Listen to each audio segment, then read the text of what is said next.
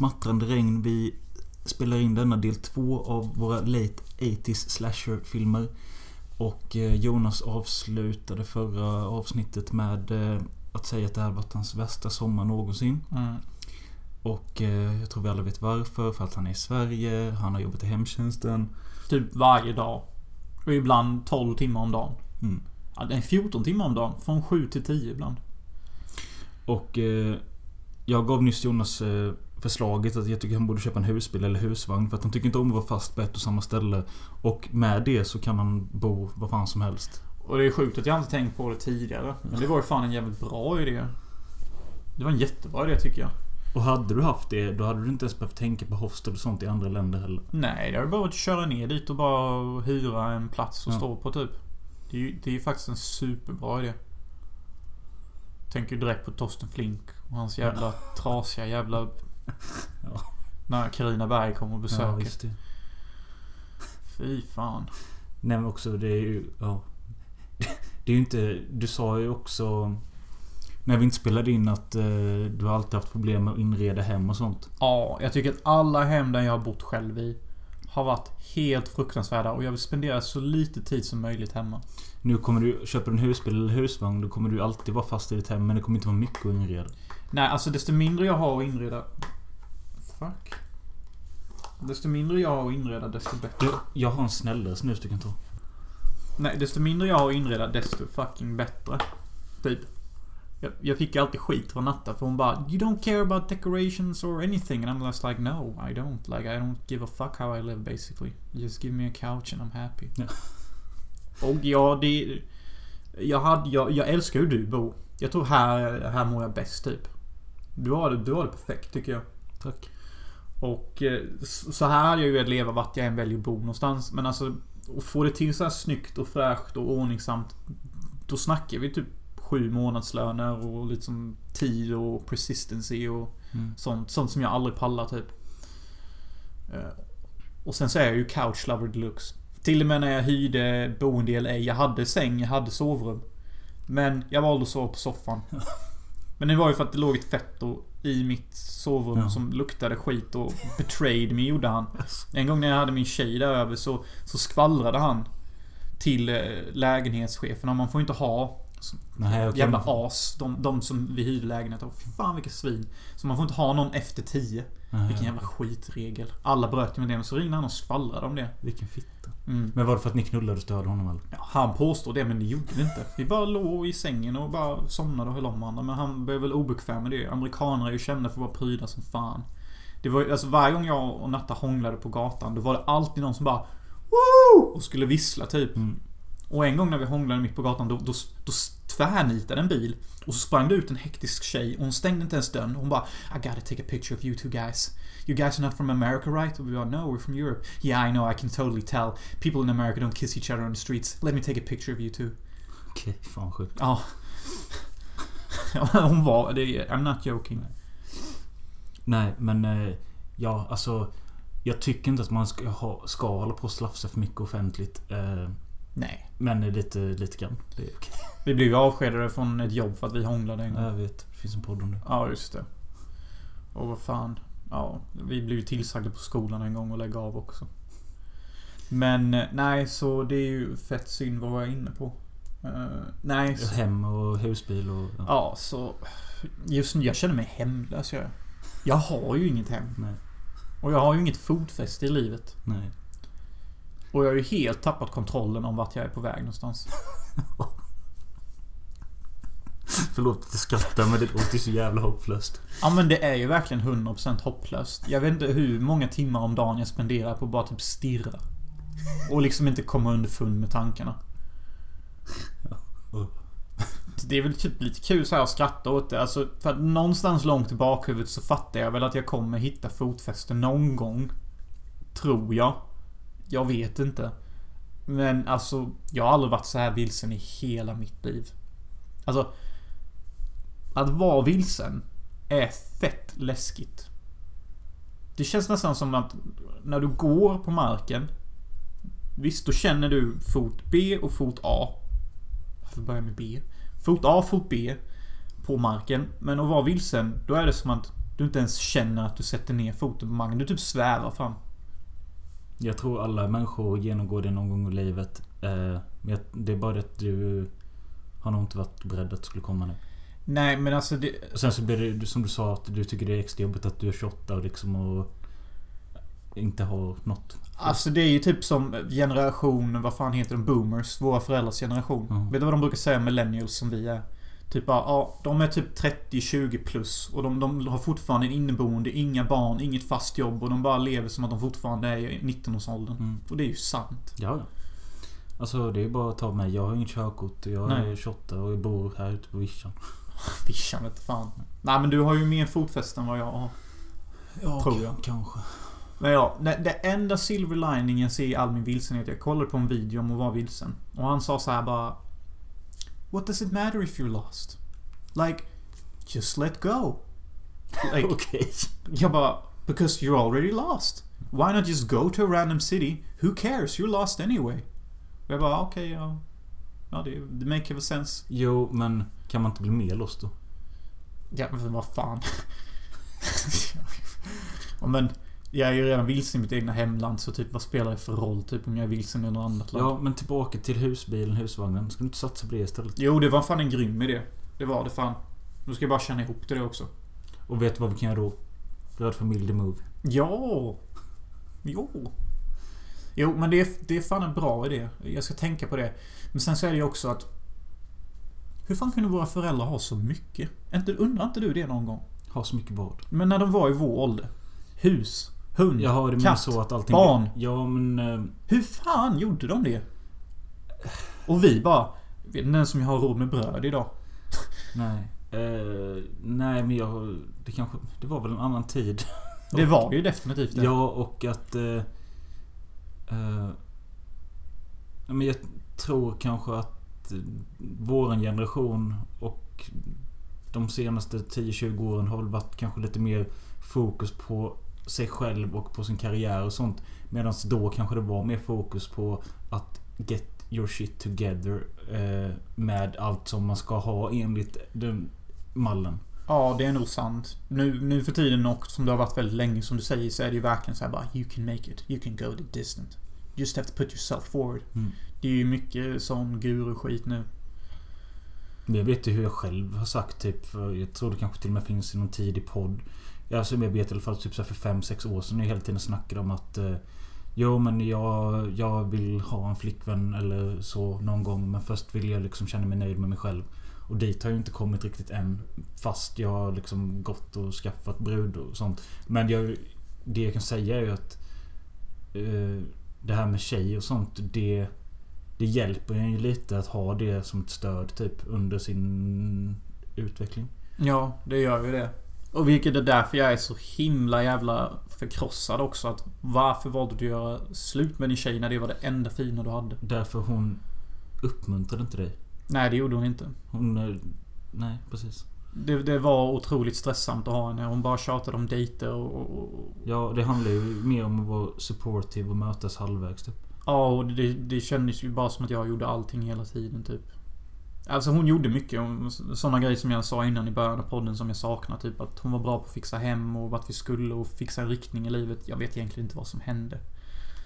Alltså jag bara fick en idé nu. Har vi någon lyssnare som känner någon som kanske typ pluggar eller har pluggat eh, till psykolog eller något sånt. som vi kan ta med här i podden och snacka lite med. Ja, Bara typ, vi kanske kan fylla i något formulär eller något och så får de snacka med oss. Det hade varit skitkul. Ja, det har varit kul.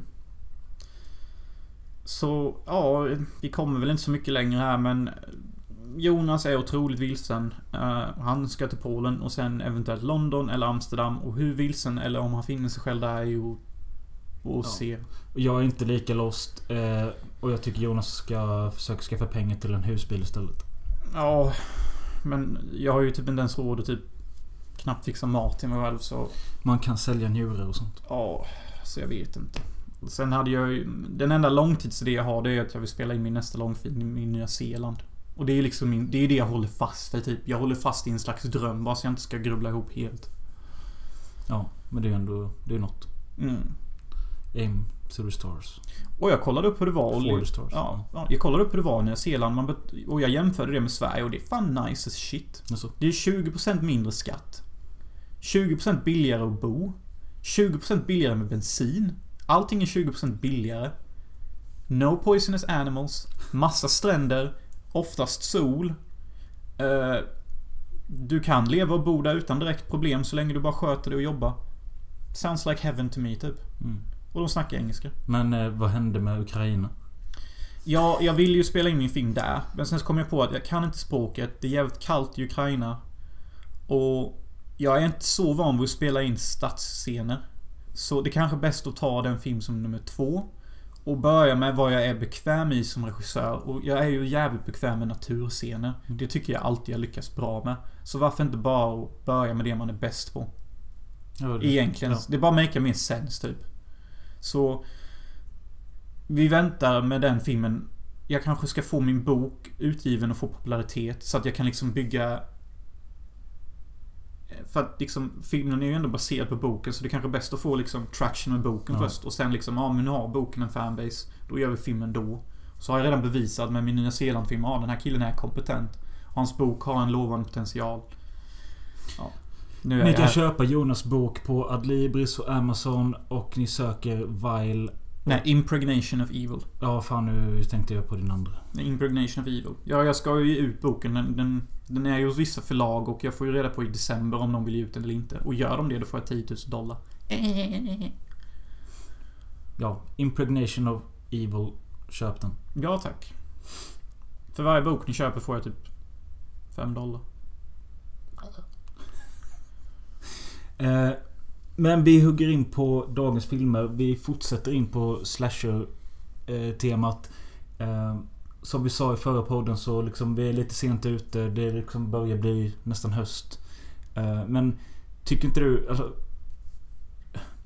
slasher är, hör väl typ till sommaren? Skulle man säga det? Ja. Det är ju därför det är liksom tradition att vi kör slasher-tema under sommaren. Det finns väl... Jo, det finns ju de här jävla norska slashfilmerna Fritt vilt, Kallt byte. Det Mm. finns ju tre stycken. De utspelar sig i snömiljöer. Eh, och där är det ju kallt och så. Men annars är väl typ det mesta satt till vår, sommar. Ja, men det är, det är ju det som det hör till genren. Det måste ju nästan vara sommar för att vara en slasher. Ja. En film som har en bra sommarkänsla är Cheerleader Camp. Mm. Eh, från 88. Även känd som... Bloody Scream. Bloody Ja. Pom Poms. Ja, men Bloody Scream är också rätt ju. Ja. Ja. Den har... Som många filmer från förr så har den multitabla titlar. Mm, jag tror jag föredrar Bloody Pom Poms. Ja, det är nog bäst. Alltså egentligen funkar alla titlar rätt bra. Och jag tycker att alla titlar är rätt. Man glömmer bort dem rätt lätt. Förutom kanske Bloody Pom Poms. Ja. Uh, men Cheerleader Camp låter ju liksom som... Uh, nej men ja, de ville säkert uh, casha in på Sleepaway Camp och allt det här och Mm. bara att ha camp. Camp är ju nice. Ja. Men jag var också fascinerad över när jag såg denna filmen att jag tyckte denna filmen var rätt djup. Och karaktärerna var väldigt mångsidiga. Och jag tyckte också det var bra relationer i denna. Och återigen, precis som i Phantom of the Opera, så har ju huvudkaraktären drömmar. Som då är väldigt djupa i... Alltså, jag tycker det är fascinerande med film hur man kan använda en dröm till att förklara hur en karaktärs psykologi funkar utan att det blir att karaktären behöver säga det. Vad har hon genomgått? Ja, jo, nu fattar jag. Ja. Exempelvis så lider ju huvudkaraktären av prestationsångest. Och det är inte någonting direkt hon säger ofta, men genom drömmarna så fattar vi det. ja. Ganska precis. tydligt. Och den här handlar om ett gäng som bara ska ut på ett cheerleader camp för att typ träna och tävla eller något sånt. Mm. Eh, och det är majoriteten tjejer också. Typ två killar som är med som någonting. Det är lite svårt att fatta vad de fyller för funktion i cheerleader. De är med i bakgrunden ibland. Och dansar typ... De, de, de, de movesen de gör kan någon lära upp en människa till att göra på två minuter. Ja. Och deras rapsång. Visst, de kanske spenderade tre timmar, några dagar till att lära sig texten. Men that's about it. Vad tjejerna gör är ju mycket mer imponerande. De gör ju volter och hjular och alltihop. Ja. Och killarna bara står i bakgrunden typ bara They're so hot, they're so cool, we are the new fuck you too Allison, she's so fine. The look at her long, or you'll go blind. Next is Pam, she comes out with a bam and will tell you this, she ain't no sham. Jag vet inte fan vad de sjunger ens. Eh, men jag tycker man märker ganska tidigt på den här filmen att den är lite mer åt det komiska hållet. För vi har den här ganska väldigt feta... Otroligt feta. Eh, Big Mac, American Teenager. och han... eh, Det han sysslar med också att han filmar typ hela sitt crew hela tiden. Eller hela sitt kompisgäng. Och håller på med någon jävla hemvideo. Och i början av filmen så sträcker han ut röven ur en bilruta och fastnar där. Och sen fiser han. Så fiser han cheerleader Ledare. ledaren över campet i ansiktet typ. Jag bara, bra jävla intryck. Han är faktiskt den djupaste karaktären i filmen tycker jag. Han är den som visar mest sidor. Ja. Och eh, kort därefter så har han klätt ut sig till kvinna. Ja, det är typ den roliga scenen. Alla bombsnygga tjejer verkligen sitter och solar på någon klippa. Och de här tjejerna har lite så här, är hon verkligen snyggare än mig? Kolla på henne, bla bla bla. Och så kommer det här Ja, fett. men det, ja, jag ska bara... De sitter där och solar på olika klippor. Några är snygga där och några är snygga där. Och så är de, sitter de och typ eh, snackar skit med en tjej bara... Ja, hon tror hon är så jävla snygg. Och så typ märker den eh, snygga tjejen det och eh, för att eh, bevisa det ännu mer så tar hon av sig topless för att visa brösten. Och då Precis gör, som hon den andra också Ja, så det blir någon slags battle. Bara att de ligger och visar upp varandras kroppar. Och det tycker jag är lite djupt för att det råder väldigt mycket så här. Alltså om det är någonting tjejer bråkar om som jag alltid konstant fått höra från alla snygga tjejkompisar jag haft i mitt liv så är det att snygga tjejer har problem med att skaffa vänner och snygga tjejer har svårt att komma överens med varandra. För att tjejer vinner killar på grund av sitt utseende. Och då blir det alltid ett battle. För att killen kommer alltid gå efter den snyggaste tjejen och tjejerna vet om det. Så ja, det tycker jag är rätt djupt att de vågar utforska det. Någonting typ dagens filmer har glömt bort att tjejer är såna. Mm. Men eh, ja, tillbaka till Fettot som klätt ut till kvinna. Ja, det är skitkul. Fettot spionerar på de här tjejerna och varje gång en tjej tar sig en bh så sitter han där med någon ful kikare och typ bara, Oh my god. Och typ Oh my god, those tatas. Jag vet inte fan vad han säger. Och så filmar han dem samtidigt också. Och detta är 80-talet så det är helt okej att smygfilma nakna brudar. Det är ingen som kommer göra en big deal av det. Samtidigt som detta så står stadens sheriff och står med en kikare Ja, och glor typ 100 meter bort bakom honom. Ja, I en sån här dålig vass, typ som en sketch. Och Ja. Han kikar också på tjejer och tuttar. ja. Fast det värre med det här fettet är att han faktiskt filmar dem nakna. Ja. Och sen så senare i scenen så visar han det för sin polare. Typ kolla här vad jag och Robert De Niro porno version har Ja. Och han filmar ju bra för han får en jättegrym vinkel på henne och ser ju jättesnyggt ut. Men det, det roligaste i denna scenen är att han råkar typ när en brud tar typ av sin bh och han bara typ Oh my god! Och så typ hostar han. Och så blir han påkommen och så då går ju tjejerna och konfronterar honom och då kommer han ut. Och då har han klätt ut sig till en gullig fet tant. Ja.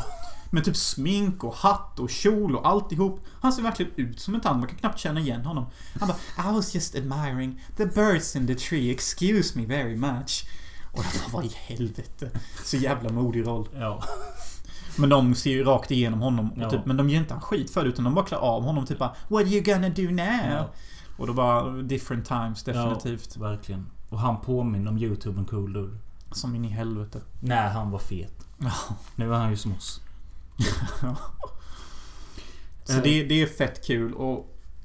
Och man kan ju tycka så här att okej den här killen är ju bara ett svin. Han filmar brudarna nakna. Men vi måste komma ihåg att det han håller på med sås inte som en så big deal på den här tiden.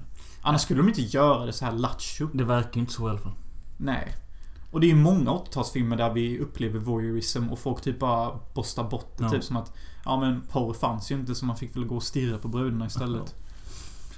Eh, det är Ja, det är bara så här stämning till en början. Tills en tjej hittas död i en stuga. Mm. Eh, vilket typ ingen bryr sig om direkt. Utan eh, de bara ja men hon mådde väl dåligt och tog livet av sig Ja. Och, eh, de tar inte dit någon polis eller något. Jag vet inte vad de gör med henne. Nej, de gömmer henne i is, eh, isrummet eller Ja. någonting. Men Och ja. ingen antar att det är något mord utan att hon tog livet av sig bara. Ja, och det är ju så här lite mystiskt. Alltså, vi vet ju för att det är en slash vi kollar på att det är en mördare som råder. Men jag tycker filmen är smart i det att de behandlar det som att det är lite av ett mysterium typ. Mm. Hade det varit första slashen man såg och man bara råkade se denna gå på TV. Då kanske man har börjat fundera, mm, är det ett självmord eller är det en seriemördare? Ja, så jag tycker filmen gör bra i att de håller det som ett mysterium. Sen så dröjer det typ 30 minuter till innan ett riktigt mord faktiskt händer och Ja. vi får se det. Ja, och sen... eh, Ja, utöver de här vanliga cheerleadersna... Cheer... Ja, cheerleadersna. Ja, och de här killarna så har de även en maskot med sig och... Fan vilket skitigt jobb att vara hon alltså. Alltså, gå runt i en varm dräkt och alla snygga tjejer får all attention och hon kan vara vem som helst. Ja. Ja, lite så. Det, det är också fint typ med de här mångsidiga karaktärerna för att hon huvudbruden, inte nog med att hon har så här jobbiga drömmar och som handlar om hennes prestationsångest. Hon käkar ju också piller och döljer det. Ja. Medan andra brudar har typ så här ytterskomplex och jag gillar också hur Fettot en gång när han gör narr av huvudpersonens drömmar men två sekunder senare så ångrar han sig och säger Okej, I'm sorry. I'm not the one to dictate how you should feel about your dreams. Nej. Och då får vi se en mognad på honom. Ja. Och sen senare, fem minuter senare, så halsar han en vodkaflaska. Och lyckas hångla upp en brud. Ja, och ska visst. gå och knulla henne. Ja. Så det är en väldigt mångsidig karaktär så.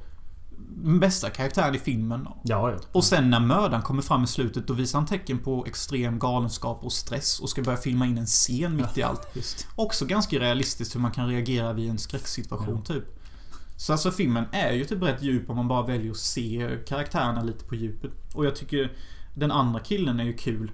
Han får inte ligga med sin Nej, just det. Men han är så fucking ful. han. Alltså, inte fult utan fult i sitt beteende. Han får ju inte ligga med sin huvudbrud. Nej. Eller hans flickvän. Nej. Så då börjar han gå och ragga på en annan. Och det är inte så att han gör det typ smyg, utan han typ tar med henne framför hennes ögon. Ja. Och jag tycker det så, Filmen blir också väldigt mogen när han lyckas få med den här tjejen och de är avsides någonstans och det är ju inte hans flickvän då. Så är han på henne.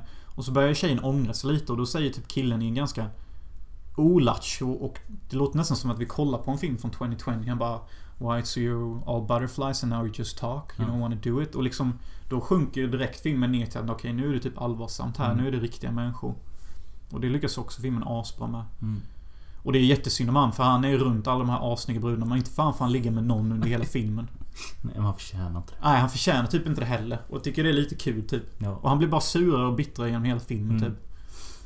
Och eh, jag kommer knappt ihåg något mord från filmen, men eh, jag antar att det var okej.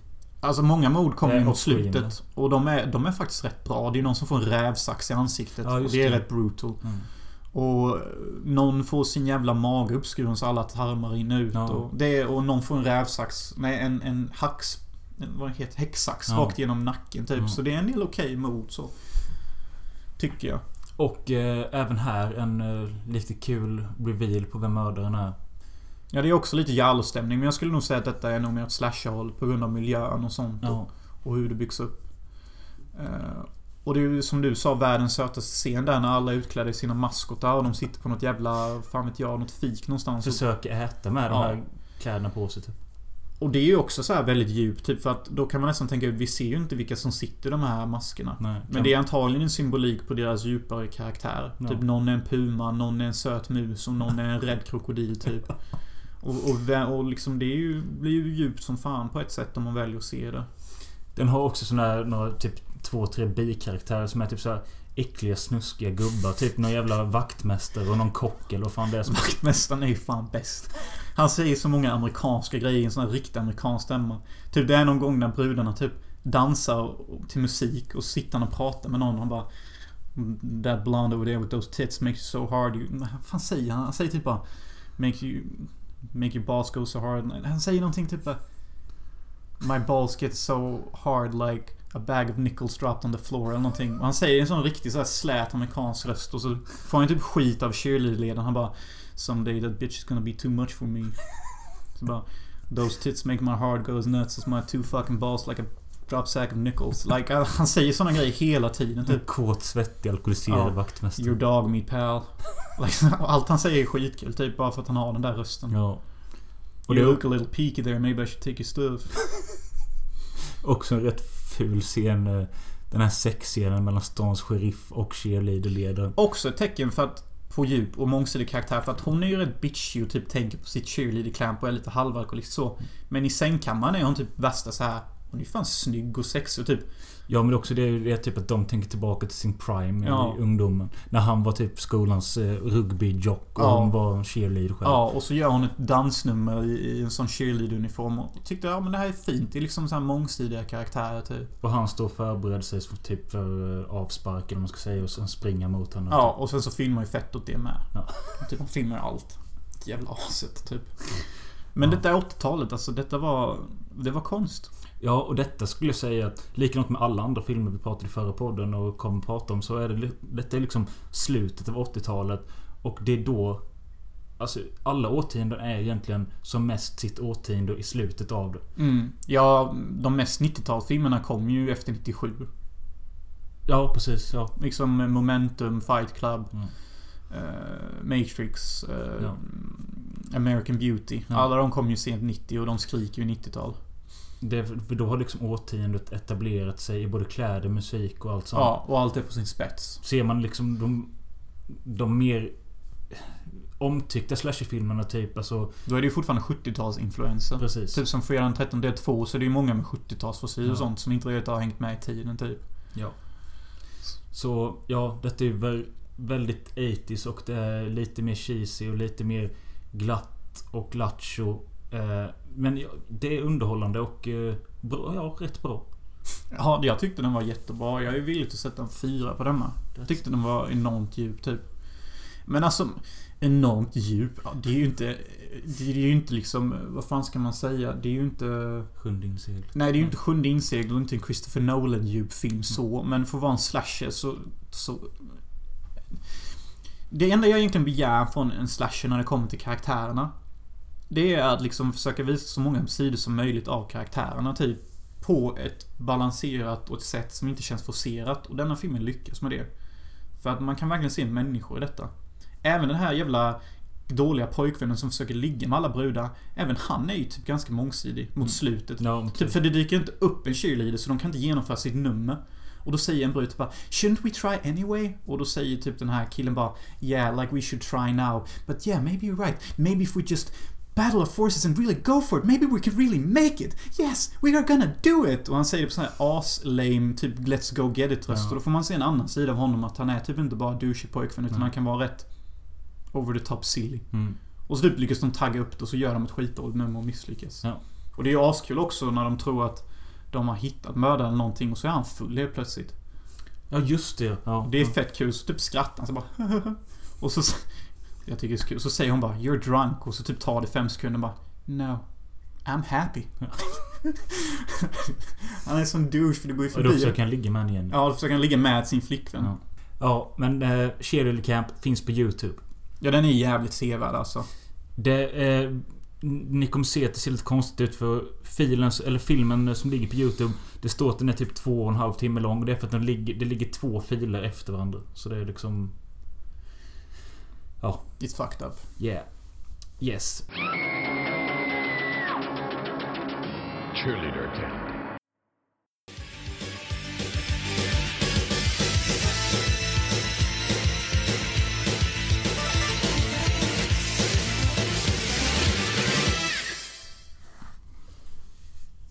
Yo, yo, yo. Okej. Från cheerleaders till en strand i Florida. I en film av... Umberto Lenzi. Ja, fast det är under namnet Harry Kirkpatrick tror jag. Uh, Umberto Lenzi har nämligen sagt att han har inte gjort den här filmen. Va? Eh, Det är exakt hans stil. ja, Exakt samma och folk hävdar bara... okej mod. Ja, han har sagt att... eh, I någon intervju har han sagt att den är för lik min film Seven Bloodstained Orchids. Som jag har sett också. Ja, och eh, det hade han sagt i någon intervju. Sen något år senare bara Nej men jag hade inte med den filmen att göra. Jag skulle varit med men Det är en kille som heter Harry Kirkpatrick som gjort den. Och så är det folk som har sökt upp och de hittar ingen Harry Kirkpatrick. Eh, och så är det någon som sagt men det är ju du typ. Och han bara nej det är inte jag. Men varför förnekar han det då? Jag vet inte faktiskt men eh, Ja, alltså det är ju typ känt att det är han. Och eh, liksom Det finns till och med typ bevis på att det är han. Bara att han säger inte att det är han. Varför skäms han över denna filmen? Han har gjort way värre filmer. Ja, jag vet. Som jag inte kan nämna nu för att jag tycker att Umberto Lenzi är ju liksom medelmåttan personifierad. Ja. eh, Ja, förutom typ med hans jävla film eh, Almost Human då. mm. Som alla typ hyllar. Men jag har typ aldrig hyllat den filmen. Men filmen vi pratar om i alla fall är Nightmare Beach. Eh, och... Ja, som sagt. Det...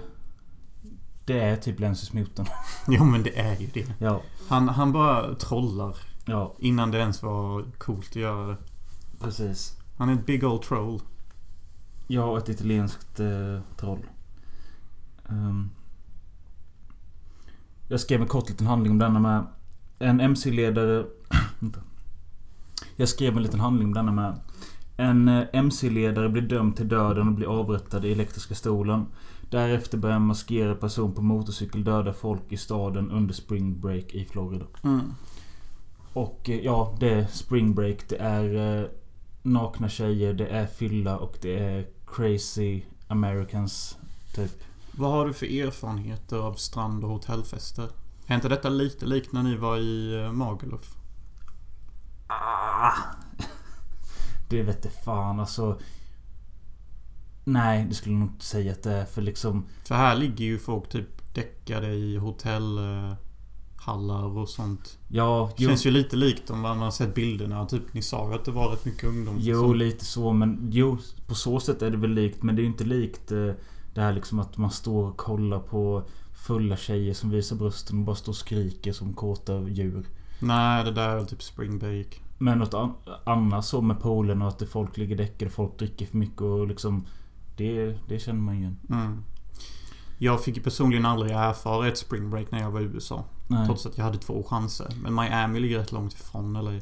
Men tror du inte att eh, Spring Break idag är mycket eh, lugnare typ? Jag vet inte. Ah, För det, detta som vi ser i den här filmen, den är från 89 tror jag.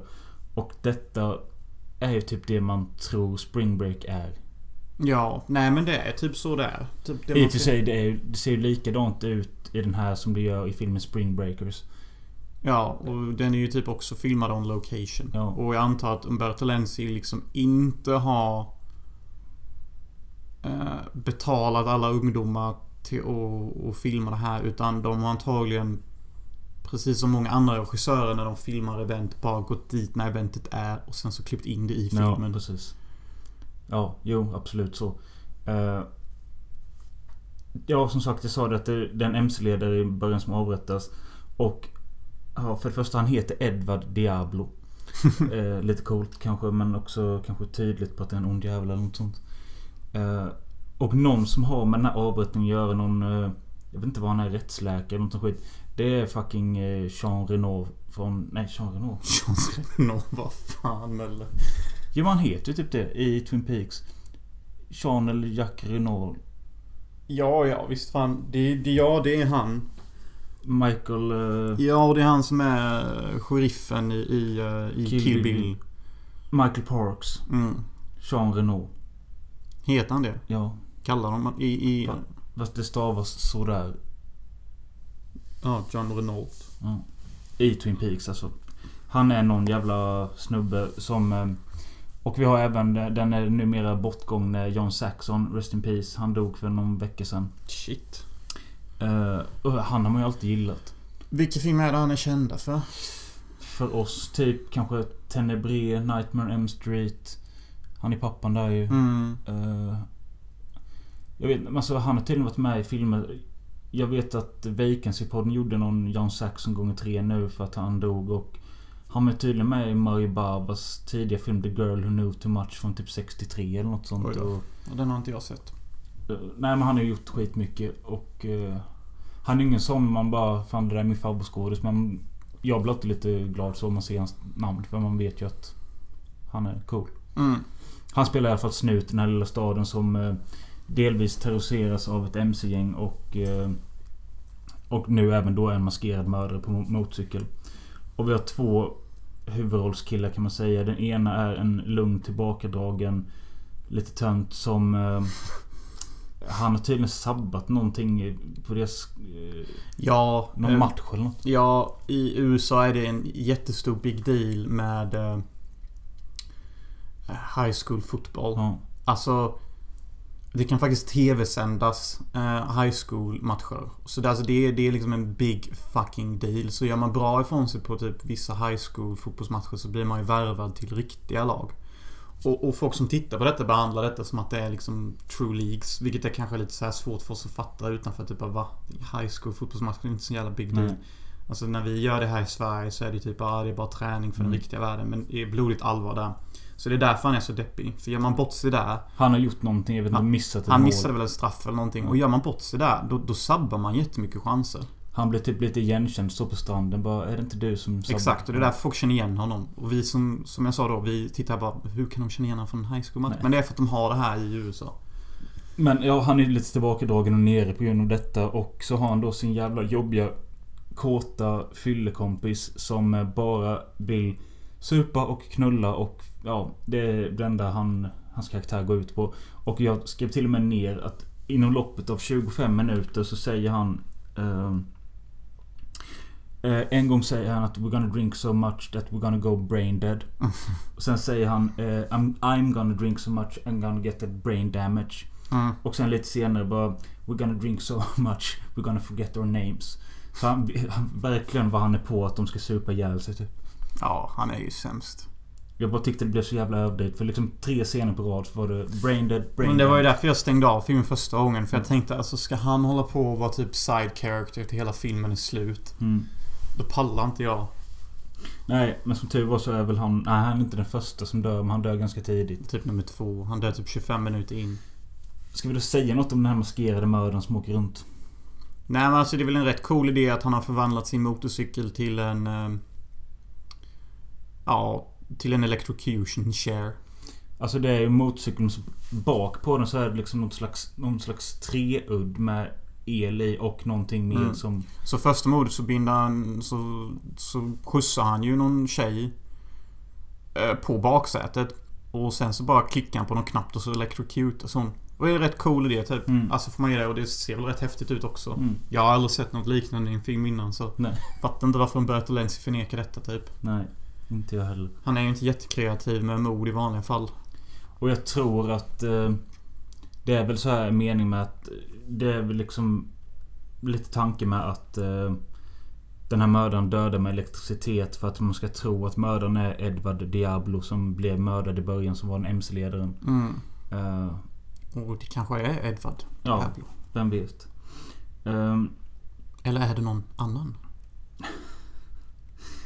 Eh, Jag har inte mycket mer notes på det här egentligen för att Det är liksom Lite, ja, vi kan nämna det med att det är ju en Main girl också som är väldigt cute som eh, jobbar på en bar och jag fattar inte hur hon pallar jobba där liksom Hon serverar fulla kåta killar dagligen som bara alla vill tafsa och knulla henne och Ja.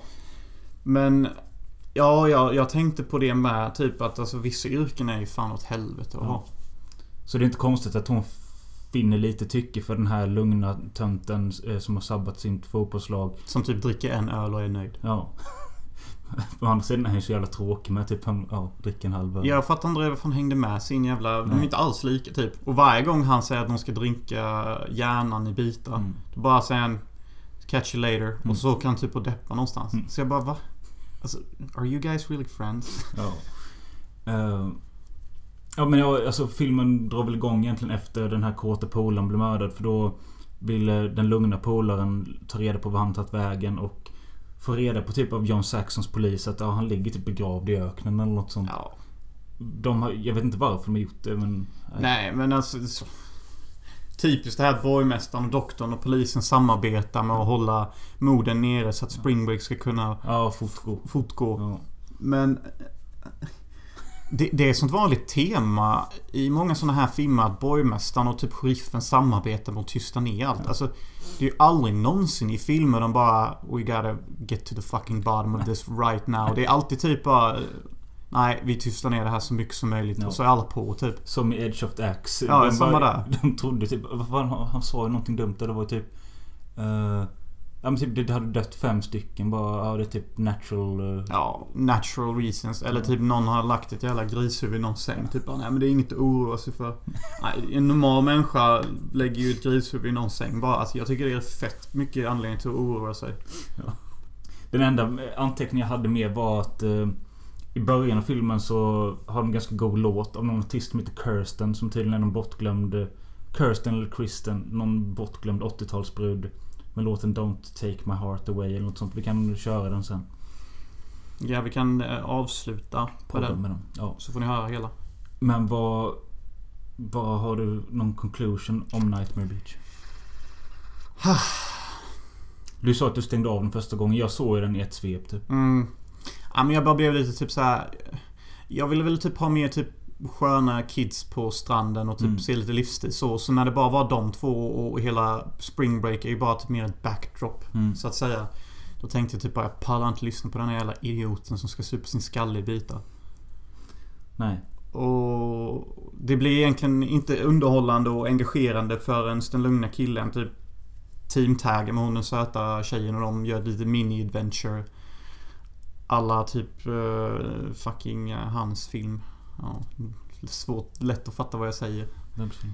Eh, t- eh, Blue Velvet typ. Jaha. Ja men då teamtaggar ju Ja. Kyle MacLachlan och Laura Dern. Typ och undersöker. Det är lite den feelingen över. Mm. Och då blir det typ ganska intressant. Men alltså det är ju inte så bra film typ. Jag, jag tyckte den där typ var inte lika bra som... eh, jag gav den en trea. Ja, ja visst fan. Det är väl en trea. Den är ju bättre än Doom Asylum. Ja. Ah. Nah. Jag vet inte, det känns som jag kommer komma ihåg Doom Asylum. Det är jag, jag, jag tippar på att om någon säger Nightmare Beach och Doom Asylum är 80. Då är det större chans att jag kommer ihåg vad Doom Asylum var. Vad sa du? Sa om... Är 80? S- Vi antar att jag är 80 år. Jaha, när typ du är 80. 50 okej. år in i framtiden. Och så kommer någon ungdom och typ snackar om båda de här filmerna och bara frågar om jag sett dem. Då är det större chans att jag kommer ihåg Doom Asylum än Nightmare Beach. Jo, jo, kanske det. Men om jag säger så här då typ... eh, Ja, fast det, det kan jag nog... Jag tänkte säga så här att om jag säger... Ska vi... Du måste se om en med mig idag. Mm. Vilken har du valt då? Nej men då blir det väl nog Nightmare Beach. Ja. Ja. men det är svårt alltså. Doom Asylum är inte direkt bra på något sätt men den är ju liksom mer unik. Ja. Och roligare och, och Nightmare Beach är ju liksom ganska... Och så Nightmare Bitch. Nightmare Beach är ju ganska... Det är en filmtitel. Nej men alltså. Det är ju en i mängden filmer typ. Ja, absolut. Det Men, är ju ehm, bara liksom eh, mördaren som är unik och motorcykeln där. Mm. Och okej, när, hon- när, när mördaren typ använder någon jävla stor jävla eldsugn till att elda upp ett offer är väl ganska häftigt typ. Vad tyckte de själva om revealen då? Av vem mördaren är? Eh, bra. Eh, jag hade inte ens funderat på vem mördaren var. Nej, det, jag hade ju det men... eh, Jag hade faktiskt inte tänkt på den. Nej, inte jag heller. Jag, jag tänkte väl att det måste väl vara någon. Wow. wow, wow, wow. jo, men det var ju någon också. Let's move on. Vi har sett en eh, sista slasherfilm och... Eh, sparat det bästa till sist. Mm. Kan man säga. Eh, jag vet inte. Detta är 1988 och eh, The Last Slumber Party.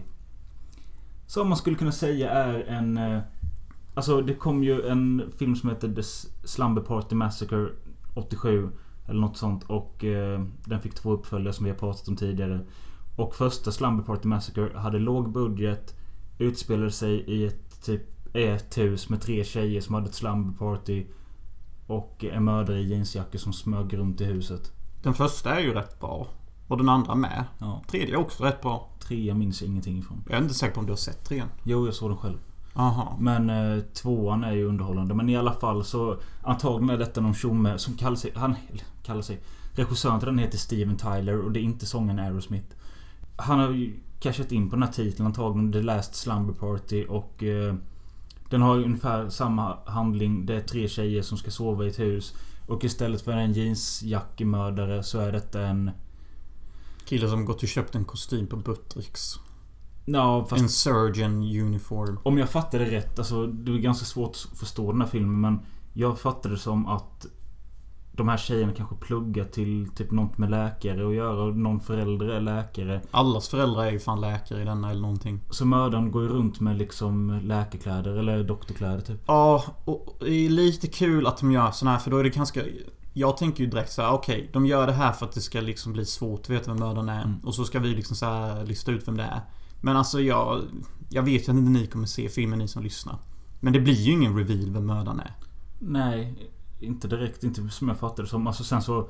Och sen över hälften... det jag inte fattar heller är att om Vi säger att ja, det skulle varit eh, Någon utav de här Det är ju tre killar som kommer dit och vill knulla och sånt. Om det hade varit någon utav dem. Mm, Det hade de inte kunnat göra för att det här Han har ju bara ett sånt munskydd för ansiktet mördaren. ja. Så hade det varit någon man känner igen.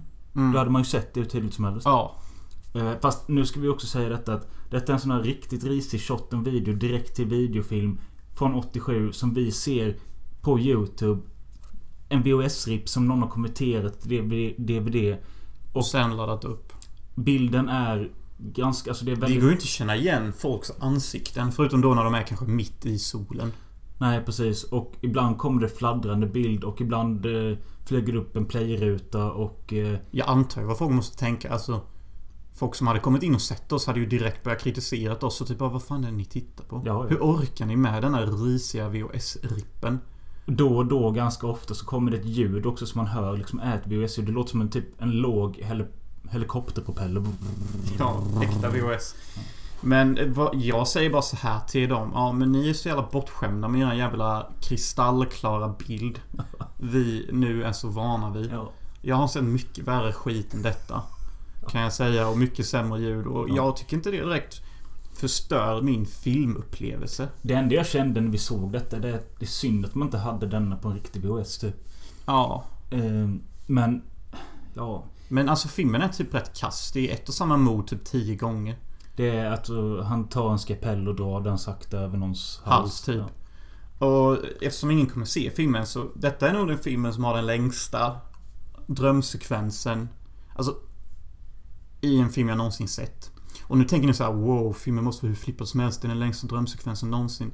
Nej, men alltså ungefär 45 minuter av filmen, eller kanske till och med mer, utspelar sig i en dröm. Får vi reda på sen då. Ja. Typ Och- så alla mord och allt som hänt och allt slumber och allt slurs och vad fan som än hände. Ja, det är bara en dröm. Och sen så säger den här huvud final girlen Någonting typ I had, a, I had a nightmare within a nightmare. Mm. Och vi fick ju också se den mardrömmen hon hade i mardrömmen. Ja. Men sen ändå. Så är det ändå samma handling som mardrömmen hade. Att det är någon sjuk jävel från ett sjukhus i surgeon uniform Som har rymt och... eh, ska nu mörda. Och den mördaren går och gör samma saker som hände i mardrömmen. Som jag fattade som så... som jag fattade som så är det liksom så här att Hon har drömt detta så det är egentligen det hon har haft en slags premonition. Ja. Alltså liksom så när filmen slutar så är det liksom där, där drömmen började fast det händer nu i verkligheten. Ja, så premonition för er som inte vet vad det betyder, betyder ju förminnelse. Och det är ju också ett sjukt svårt, sjukt svårt svenskt ord. Men förminnelse betyder en framtidsfusion Vision. av dyster kvalitet typ. Ja, alltså liksom hon har drömt om något som kommer hända. Mm. Och när filmen slutar så berättar hon det att jag har drömt detta och sen så händer det typ. Ja. Men alltså filmen har ju några ljusglimtar. Jag tycker dialogen är kul. Dialogen är både väldigt dålig. Ja. Ja, men den, okej den är rolig för det är mycket liksom... Det är svordomar och det är pikar mot... Ja, men typ bara... I don't know why I like him. He's such an asshole. You only like him because he's so fucking beautiful. Yeah, but he's like a fucking queer. Ja. Yeah, I know he's a fucking faggot, but he's fucking hot. Alltså, så här låter de Ja. och pratar typ. Och speciellt eh, Final Girl som heter Chris. Hon eh, kallar sin eh, kille flera gånger för fag, queer och gay. Ja. Eh, och Typ- han kallar henne en gång bara you fucking whore. Ja, och hon, hon bara you fucking douchebag. Så okej, man vet ju exakt hur typ regissören låter när han pratar med sina vänner och alla sina... Han, han säger säkert typ bara We're gonna shoot this motherfucker and take it up the ass. And then we're gonna call it the end of this fucking shot. Okay, let's go bitches. Alltså jag lovar att de pratade så när de filmade skiten. Och jag tror säkert att eh, visst det eller ganska mycket dialog säkert improviserad. Ja, lite så. Men alltså, jag tycker typ det är rätt friskt så. Alltså... eh, jag vet ju att en modern publik kommer kritisera sönder den här filmen. Typ, åh, de är så jävla... Uh, vad fan ska man säga? Anti-bög eller någonting. Mm. Men å andra sidan, alltså... För det första, this is the 80s. Eh, för det andra, har ni umgåtts med människor? Precis. Alltså... Det är ju inte förrän nu vi har äntrat en tid där folk typ pratar som att... eh, ja, vi alla är i PK-riket. Mm. Men alltså, du vet, när inte kameror rullar och inte en mick är på. Då säger folk sjuka grejer som typ den där jävla negerjäveln, han ska vi fan inte umgås med. Och den jävla PK-blatten har fan inget här att göra med. Nej. Och typ det är en sån jävla bögjävel den där. Alltså, Ja, visst. ni vet vad jag säger. Ja. Eh, Och det, ja, det, det gör ju att man kan ta sig igenom den här filmen. Eh, Den är 73 minuter lång och det kändes ganska långsamt mot slutet tyckte jag. Mm. Eh, Men jag känner också så här, jag, jag känner inte att det är waste of time att ha sett den liksom. Utan jag tycker det fortfarande är kul att man kan hitta sånt här. Ja, jag håller med. lite samma känsla som jag har med Doom Asylum. Även om Doom Asylum är liksom i en annan liga av kasshet. Ja, fast på ett bättre sätt. Ja. Nej, så... Jag vet inte. Och liksom, jag vill också säga eftersom detta är 2020 att bara för att man kallar någon neger eller bögjävel eller äcklig PK-blatte betyder ju inte det att man är rasist eller har något emot bögar. Utan det är ju mer att man... Man fläktar sin rättighet att få uttrycka sig hur som helst. Håller du inte med? Amen. Tack. Ja. Eh, men vi sa i vårt förra avsnitt att vi har eh, liksom fått eh, lite tro på slasher-genren igen och så och det har jag till viss del. Alltså nu var ju förra avsnittets filmer bättre. Mm. Eh, även om du tyckte väldigt mycket om Cheerleader Camp. Jag tyckte den var bra också men jag tyckte... Nej, jag tyckte den var sjukt bra. Den hade många teman. Typ, jag tänkte på det som jag inte nämnde sist att eh, Filmen handlar också om typ hur, hur människor kan bli helt eh, så här psykosade. För det mot slutet så börjar ju nästan alla mörda alla och alla döda alla typ. Och då började jag tänka så här typ på krig. Typ att Fan när, när folk väl börjar mörda då är det nog ganska lätt att andra tar efter typ. Mm. Monkey see, monkey do typ. Ja. Och så blir det typ för jag kan tänka mig att i krig så börjar nog många människor döda typ. Och typ man blir så inspirerad av att döda någon annan typ. Så det var nästan som så här slags kommentar på hur vi kan bli så här hamna i psykoser typ. Ja, nu gräver jag ju väldigt djupt. Typ. Alltså jag ger ju de här filmerna så mycket djup som antagligen ingen, ingen jävel har tänkt på typ. Ja. Men ja. Eh, detta var i alla fall sex slasherfilmer vi har sett och eh, jag gör gärna en slasherpodd igen i framtiden. Det är ju tradition. Yes. Men jag är också lite orolig nu för poddens framtid eftersom Jonas ska fly ifrån mig igen. Ja just det, jag tänkte precis ta upp det för du, du la en kommentar precis när vi startade bara You fucking leave me again. Eller ja, du kanske sa på svenska. Ja, Nej men det jag känner bara att okej, stick du, gör vad du måste. Stick till din flickvän som eh, du bara ska bråka med och jävlas med. Och eh, se vad det blir utav det. Men tänk vilket helvete vi hade med det här att podda över linje. I know nigga. Ja, men sen säger jag att du ska inte bara stanna för att du ska kunna spela in detta en gång i veckan. Detta är den enda anledningen. Nej men ja, hur känns det? Att jag sticker igen. Är du sad för det typ? Men alltså, jag tycker att du ska göra vad du känner för. Men sen att du sticker till henne som gjorde dig fuckad. Det gillar jag inte riktigt. Och Nej. sen liksom att... Ja, du, känner, du säger att du känner dig ensam här och sånt. Eh, Otroligt. ja, men... Hade du kanske... Eh, som... som eh, du, du hade ju en lägenhet i Halmstad på G och sånt och liksom... Eh, hade du... Istället då för att jobba som en idiot som du har gjort nu och jobbat på vardagar och haft lediga helger som vi andra. Då hade du kunnat hänga med oss hela tiden och eh, liksom... Ja, inte varit lika ensam. Och hade du bott i Halmstad kanske du kommit närmare en annan tjej. Yeah, that's true. Men eh, a man's gotta do what a man's gotta do. Definitivt, det är ju den. Nej men alltså. Jag gillar ju typ umgås med dig. Men där typ slutade. Okej, jag gillar umgås med Onja och, och grannen med. Lite så. Men alltså. Varenda svensk jag möter. Jag är typ bara så här, alltså jag orkar inte med dig. Alltså, alltså det, jag har inget emot Sverige som land. Okej. För att jag älskar naturen, djuren, floderna, bergen, sjöarna. Landet är ju inget fel på. Det är ju alla som bor här som är helt kommunistiska svin typ. Jag, jag orkar inte ha mer dialoger om väder. Nej. Alltså det är det, där, där går, jag, jag, jag bryter ihop typ. Mm. Och eh, detta är ju typ ganska förhastat och...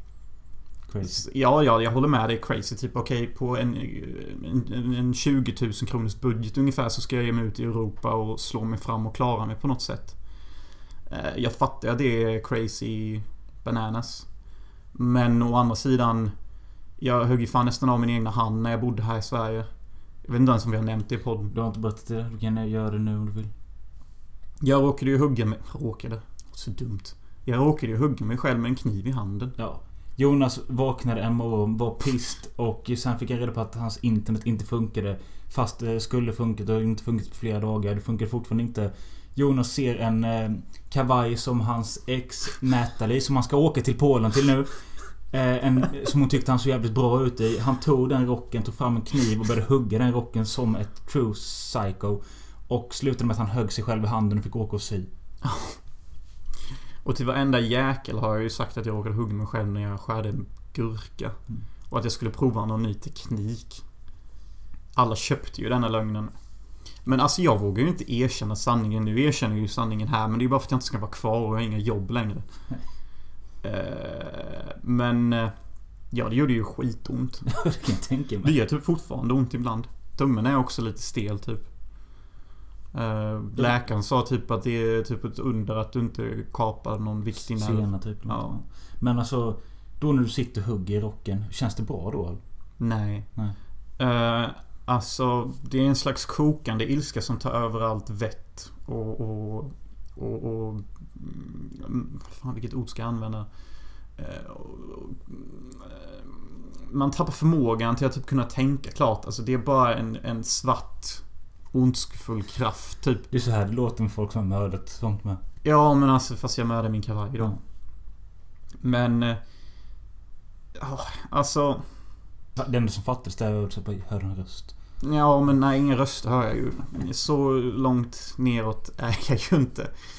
Och saken är att jag har ju rage issues. Alltså jag har ju slått sönder massa saker. Jag, jag har säkert berättat när jag slog sönder en smoothie när jag bråkade med mitt ex på julafton. Ja, ja, jag- Rakt ner i diskon. Jag bara tog den och så sulade den tre gånger rakt ner i diskon typ. Eh, Men alltså, jag är ju enormt besviken på hur mitt liv har blivit typ. Och jag är ju eh, inte så bra på att hantera motgångar. Eh, Så det tar ju sig i, i, i lys. Herregud, fan pratar jag ens? Så jag, kan, jag kan inte prata Nej, svenska. men- Och det är en av anledningarna till att jag inte gillar att vara här. För att jag kan inte prata svenska. Jag låter så jävla konstig och, och, och, och vricka typ. Jag har aldrig gillat mitt svenska språk. I lys. Ja, ja, what do you mean Jonas? Liksom, Men jag tror alla förstår vad du menar. ja. Att, men i alla fall. Alltså, Jag hoppas bara att jag på något sätt löser denna Eurotrippen. ja. Och att jag gör rätt. Eh, Men alltså... Eh, vad tror du sannolikheten är att du sitter här i soffan om ett halvår igen och bara... Fuck. Det är så jävla... Det är så jävla glasklart. Det är ju exakt så det är. Typ jag kommer hit. Typ varit borta för länge för mitt egna bästa. Någonting och så bara... Alltså fuck me. Alltså jag gjorde ju den när jag kom tillbaka sist typ.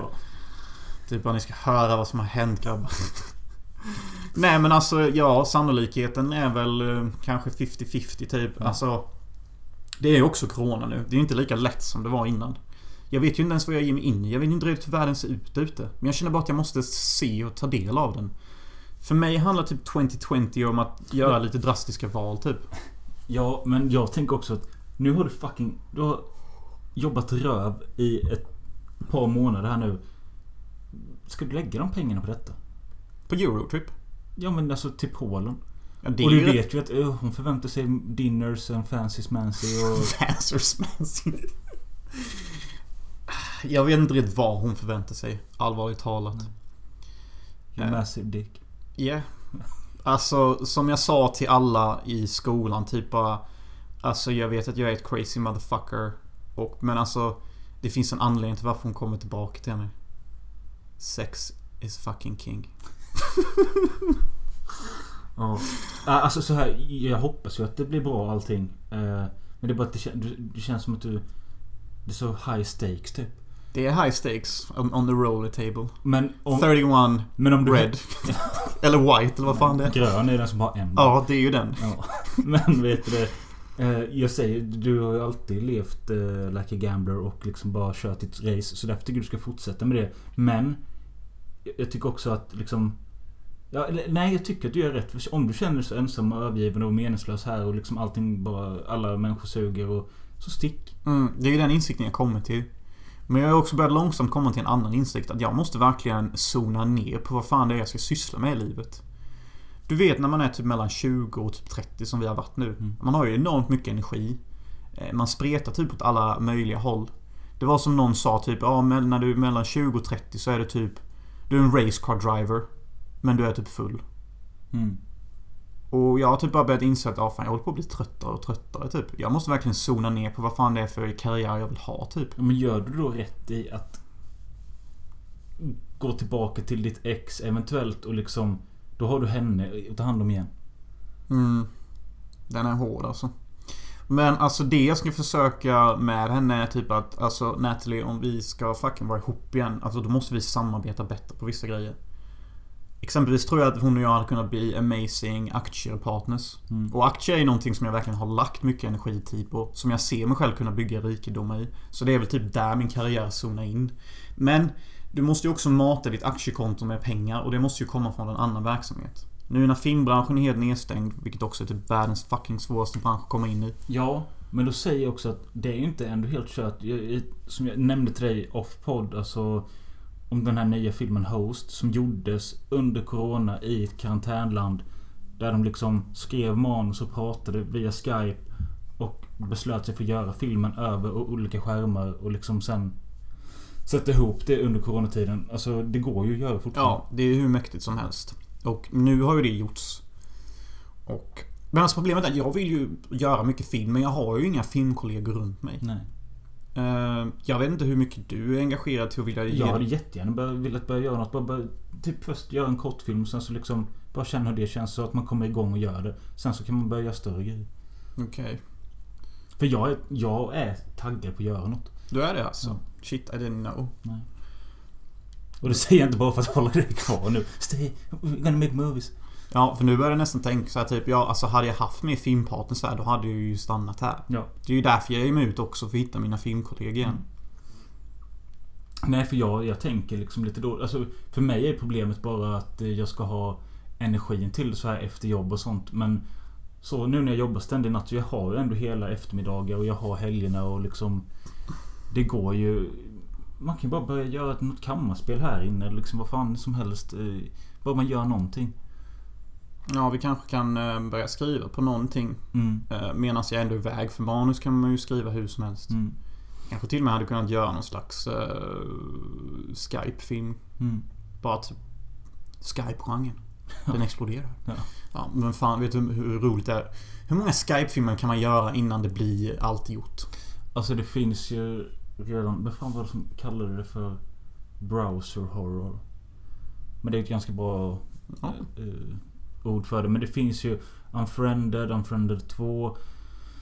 Eh, den där jävla Friend Request. No Host. Och det finns Searching. Och det finns... Eh, ja, det finns ett par till. Shit. Den där jävla skitfilmen med Elijah Wood och Sasha Grey, Open Windows. Ja.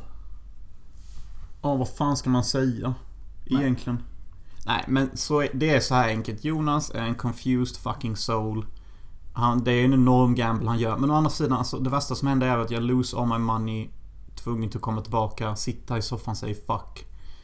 Och så... Får jag börja jobba igen. Med alla de här jävla svennarna. Mm. Nej, jag vet inte. Jag, har, jag, jag känner mig så låg energi. Typ även fast jag ska ut och resa typ och liksom åka till Polen, eventuellt Amsterdam sen beroende på vad fan som händer. Jag vet inte riktigt hur jag ska klara mig. Nej. Fast du vet, kommer du ihåg när jag skulle åka till USA hur mycket energi och pump och an- affekta anamma jag hade i mig? Ja. Alltså en riktig go-getter. Detta är ju raka motsatsen. Alltså inställningen är ju helt Ja. upp och nervänd. Typ, det är ju helt tvärt emot. Det Typ. syns i din blick också. Ja, väldigt trött så här. Ah, dags att... Dags att gå ut och kött, se livet i vitögat. Jag bara väntar på en knytnäve ska komma typ. Det är en 30-årskris. Ah, Det är ju ännu hemskare att du säger så, för jag blir ju faktiskt 28 i år. Eh, vilket är helt mongo. så jag vet inte fan alltså. Jag, jag har inget fotfäste någonstans. Jag känner mig hemlös. Hemlös är jag. Men alltså det jag ska göra är, jag ska bara hålla, jag håller kontakt med dig dagligen vad fan som händer typ där ute. Men jag tänker också så här att... Eh, detta blir eventuellt våran sista podd ihop så här. Eh, ett, som ett vanligt avsnitt. Men så tänkte jag att vi innan du åker nu på torsdag att vi kan försöka göra ett Patreon-avsnitt också. Som vi kan släppa bara till dem. Mm. Ehm, och sen så får vi se vad som händer med podden därefter. Mm. We will never quit but when we... Vi vet inte när vi fortsätter. Mm. Lite så är det. Lite så är det. Nej, men eh, Crazy Jonas eh, is gonna go and fight the world. 2020 style. Tänk så dör jag i corona. Så jävla snopet. inte det känns som du har bra immunförsvar. Mm. Men jag måste jobba lite på min attityd alltså. Jo. Det- För det här vinner man ju ingenting med. Som man inte gör. Men jag har planerat att skaffa en tatuering i alla fall. Och det taggar jag asmycket för. Ännu en bra investering med låg eh, ekonomi. Det, Ja men det är typ bara en 100 kronors tatuering. det väl finns ingen hundrakronorssteg om du inte gör det hos någon sandlåda typ. En liten skorpion här. Med blå ögon. Coolt. Jag tycker du ska göra det. Ja, jag ska göra... Ja. Ah, fan. Det ska bara bli spännande att åka ut igen. Typ jag... Ja, nu, nu, nu kommer vi bara hamna i återupprepningsterritoriet. Men alltså jag har ju alltid varit olycklig här och alltid lycklig när jag är utanför Sverige. Så... Om det bara ger mig tre veckors av typ spänning och äventyr så är väl det eh, kanske tillräckligt eller bara precis vad jag behöver. Jag tycker fortfarande du ska överväga det här med husbil och husvagn och Det liksom- tycker jag var en grym idé. Det fan. kanske hade räckt för dig liksom att, ja, okej du bor här och eh, vantrivs så här och liksom känner dig ensam. Sen hade du kunnat ta en tripp till Christiania för att känna liksom något, eh, något annat, eh, någon annan livsstil. Sen komma tillbaka lite och så göra lite småtrips då och då. Jo, det hade varit nice. Men jag vill ju bli filthy rich. Ja. Och jag vill ju spela in en film i Nya Zeeland med typ en miljon dollars budget. Bu- Budget. Ja. Yes, on a happy note. eh, så avslutar vi med Kristen eller Kirsten Don't Take My Heart från filmen Nightmare Beach.